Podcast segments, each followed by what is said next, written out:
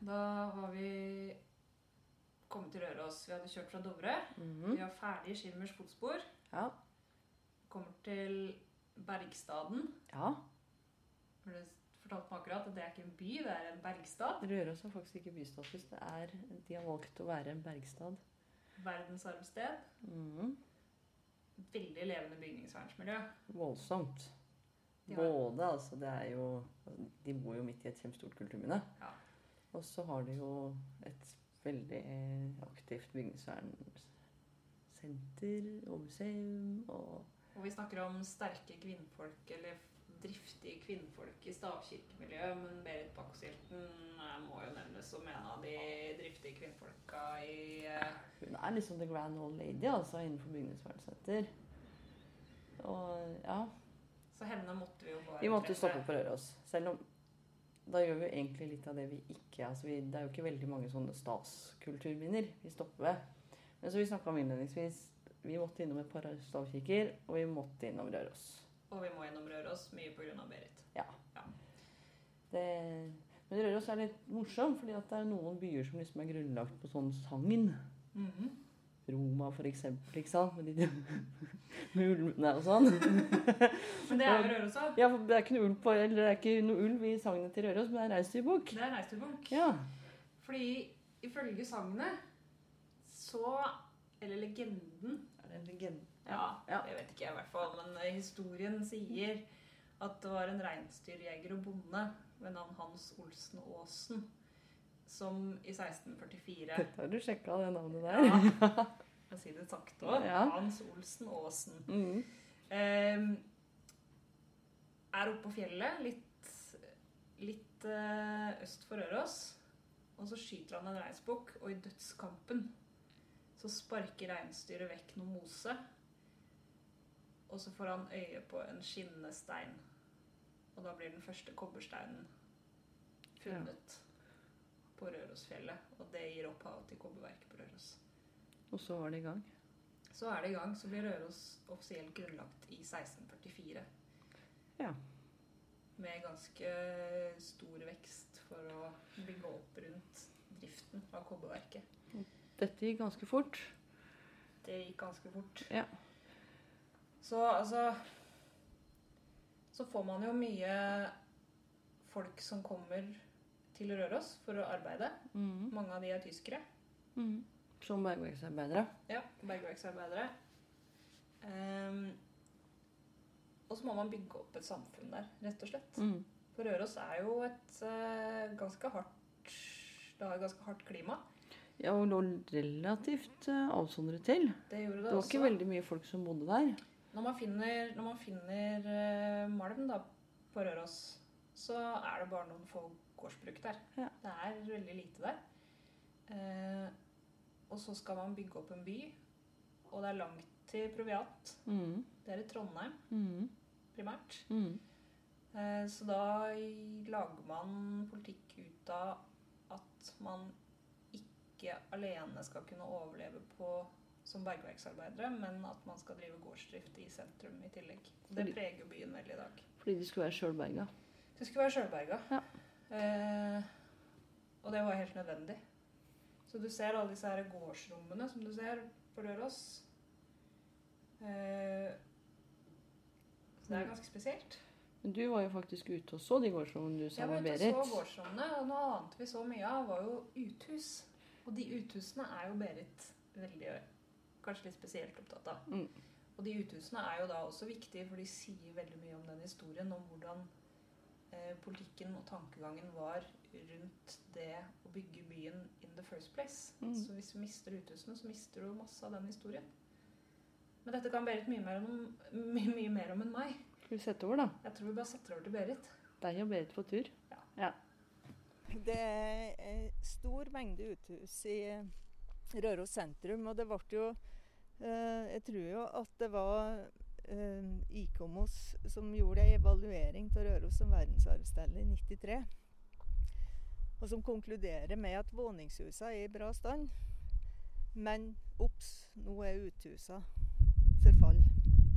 Og så blir det gjort en kartlegging av 400 uthus i Røros sentrum.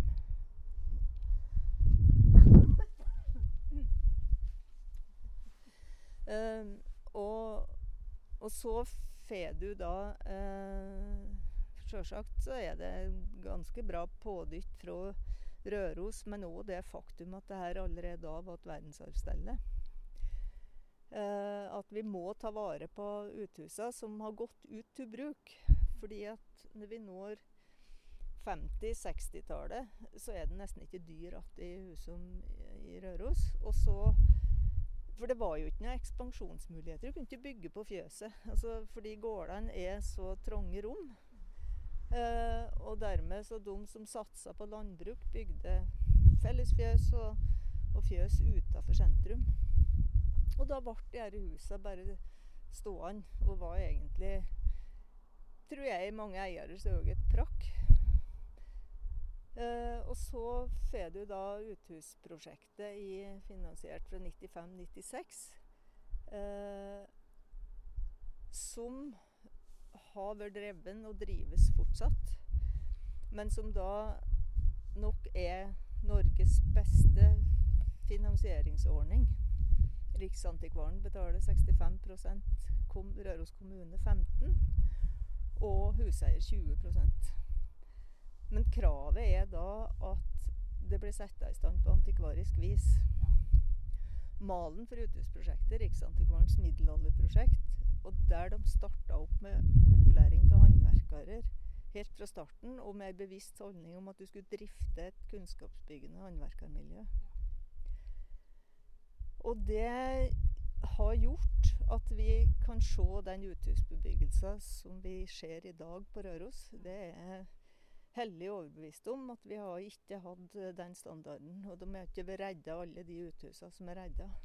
Og de har heller ikke vært uh, i den skikken de er i dag, der vi faktisk uh, fortsatt kan lese håndverkshistorie. Så det har berga staden. Og vi ser nå at Flere og flere gårder åpner portene sine for aktivitet når det er martna, når er julemarked. Uthusene er istandsetta, folk er stolt av dem. Så nå kan vi vise det for verden. Det, det, er jo det som er litt spesielt, syns jeg i hvert fall med Røros, er jo disse gårdsrommene. Mm. Ja, det er det. Og de var nok ikke bare spesielt praktisk. Så hvordan driver du en gard for den sånn som meg, som er oppvoksen på en gard med jorda rundt. Mens her så har du dyra inni et avgrensa lite gårdsrom. Men så kan vi jo liksom se ut på området rundt Røros mot Småsetrene, der haga eh, landbruket ble drevet. Der folk fikk en grashage. De bygde etter hvert ofte ei løe på den. For det var mer praktisk å samle fôret der, og så kjøre det inn på vinterstid med slede, ja. enn å, å, kjøre det inn i gata på sommerstid. Ja, så det gjør jo at vi har et kulturlandskap. Det er på en måte staden. Og så har du hagalandskapet, som vi heldigvis har hatt en del av. Og så neste sirkel er da setrene. Mm. For de flytta til seters om sommeren, mm. de som hadde seter. Så da står det i Rørossangen at det var stilt på gaten inne, alt er øde og forlatt.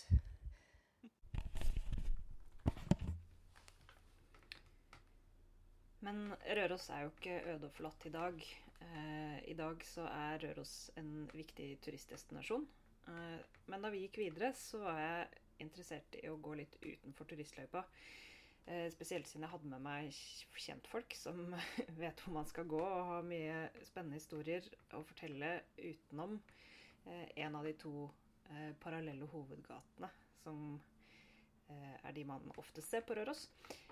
Så vi tok oss opp på Slegghaugen, og der kunne vi stå og skue ned på en liten rekke med små hus. Og her måtte Berit oppklare en vanlig misforståelse. Men når vi nå står og ser ned på de her små husene øverst i Sleggveia, som i dag er i stiftelsen Rørosmuseets eie, så er det mange som kommer forbi her og som sier at ja, her bodde arbeiderne. Men det var det jo ikke. For vi har jo før snakka om at de fikk seg tomt ned i stad eller langs gateløpa. Men her bodde løsarbeidere og håndverkere. Det var både måler og urmaker til husom her. Eh, og det som skiller de her husa fra de fleste andre på Røros, er at de ikke har stall og fjøs og løe. Her hadde de ikke dyr. Så her han tjente kanskje gjennom å koke og servere når det var storingene hadde lag. Ja. Og i det spjellstugu som da står øverst på andre sida av Sleggveien, der bodde det folk til 1950. Gjorde det? Det gjorde det. Og da var det ei enslig mor med ei datter. Og dattera hadde konfirmasjonsselskapet sitt der før enn de flytta. Var det plass til det? Vi har vært med på lag der vi har vært tida inni det, men det er liksom det lille rommet. Men det som eh, er helt formidabelt der, det er at eh, du går faktisk på utedoen under tak. Det er luksus. Men de her husene er altså satt opp fra 1850, 1860, 1870. Og typisk gjenbruk, og typisk fordi at alle sånne ytre gater eller veier på Røros, eh, når det var veldig behov for folk på verket, måtte åpne boliger fort. Så vi har noe av det samme oppå haugene på andre sida her. Innfartsveien til Røros. Vi fortsatte litt utenfor turistløypa eh, og kom til Flamborg, der fargespeilet er helt utrolig. Ja, nå eh, går vi da nedover Flanderborg. Nå har vi kommet oss eh, fra Sleggveia og ned på østsiden av Hytteelven. Det er litt stillere her, merker vi, enn borti gaten. Men der er jo ei fantastisk eh, flott husrekke som der det ikke er borte et eneste hus i Tanngården. Og bare det å se på ferjene og personligheter til hvert enkelt hus nedover her. Det, det er ganske flott. Og det er gjort mye de senere åra på eh, ferjearkeologi. Eh, Riksantikvaren som har kosta, og Jon Brenne som har utført. Eh, og det betyr, skal se litt når vi kommer lenger ned her, at du har fått tilbake at, eh, en mer opprinnelig palett. Ja, for det er veldig flotte farger. Ja, det er det. Og enda så forskjellig husa er, så blir det i helhet. Virkelig. Så, eh, men når vi først går til den derre rolige Flanderborg, eh, så kan vi stoppe opp og se litt på eh, f.eks. vinduer og vindusomramminger, dører og porter. For det er jo såpass enhetlig på Røros at en kan bli forleda til å tro at her er alt gammelt. Men det er det ikke. Og det er dessverre sånn eh, at en periode så ble det skifta spesielt vinduer. Med eh, på en måte en begrunnelse til at eh, vi må få bedre det er så kaldt. Bedre kvalitet i husene våre. Bokvalitet. Eh, og så faller en da for den fristelsen å tro det at det, det nye er så mye bedre. Bedre enn det gamle. Eh, Så det er jevnt en, eh, en diskusjon på Røros, det med vinduer. Men eh, Røros kommune var klok for noen år siden og uh, laga det de døpte til et vindusprogram. Der den som ønsker å skifte vinduer, eller ønsker å sette i stand, så betaler kommunen tilstandsvurdering og gir hjelp til å søke Kulturminnefondet om midler. Og de får òg noe støtte fra kommunen. Eh, antageligvis verdensarvmidler, for det, vi er jo i et verdensarvstelle. Eh, slik at det skal dekke opp for merkostnaden med å sette i stand. Det er fantastisk. På neste stopp på veien så ser vi jo tydelige spor av stilendringene som har foregått på Røros eh, opp gjennom årene. Eh, og som har vært med å forme uttrykket til Røros som by. Eh, men én stil eh, ser man ikke så mange spor av lenger. Og Berit forklarer hvorfor. Akkurat her nå så, så ser vi eh, fortsatt sveitserstilen som kom til Røros med Rørosbanen i 1877. Og som omforma hele Nær sagt hele sentrum. Hele staden.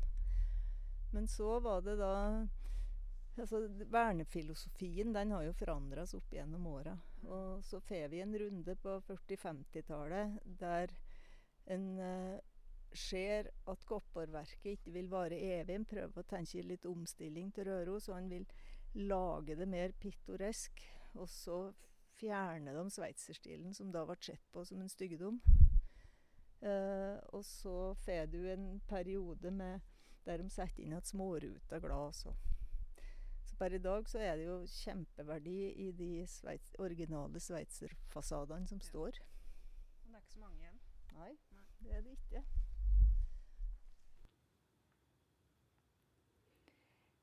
Etter en utrolig interessant byvandring med fantastiske Berit, så endte vi til slutt opp tilbake ved utgangspunktet.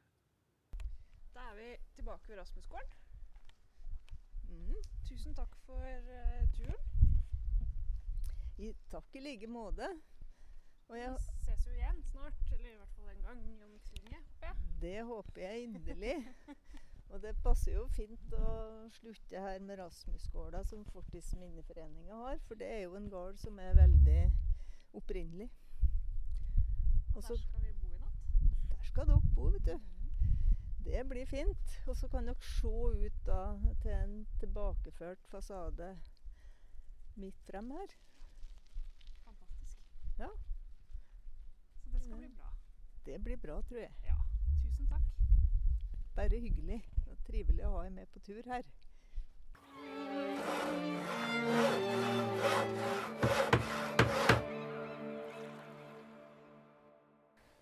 Hus og folk er et samarbeid mellom Fortidsminneforeningen og Bygg og Bevar. Jeg heter Anette Ramstad. Og jeg heter Mathilde Sprovin.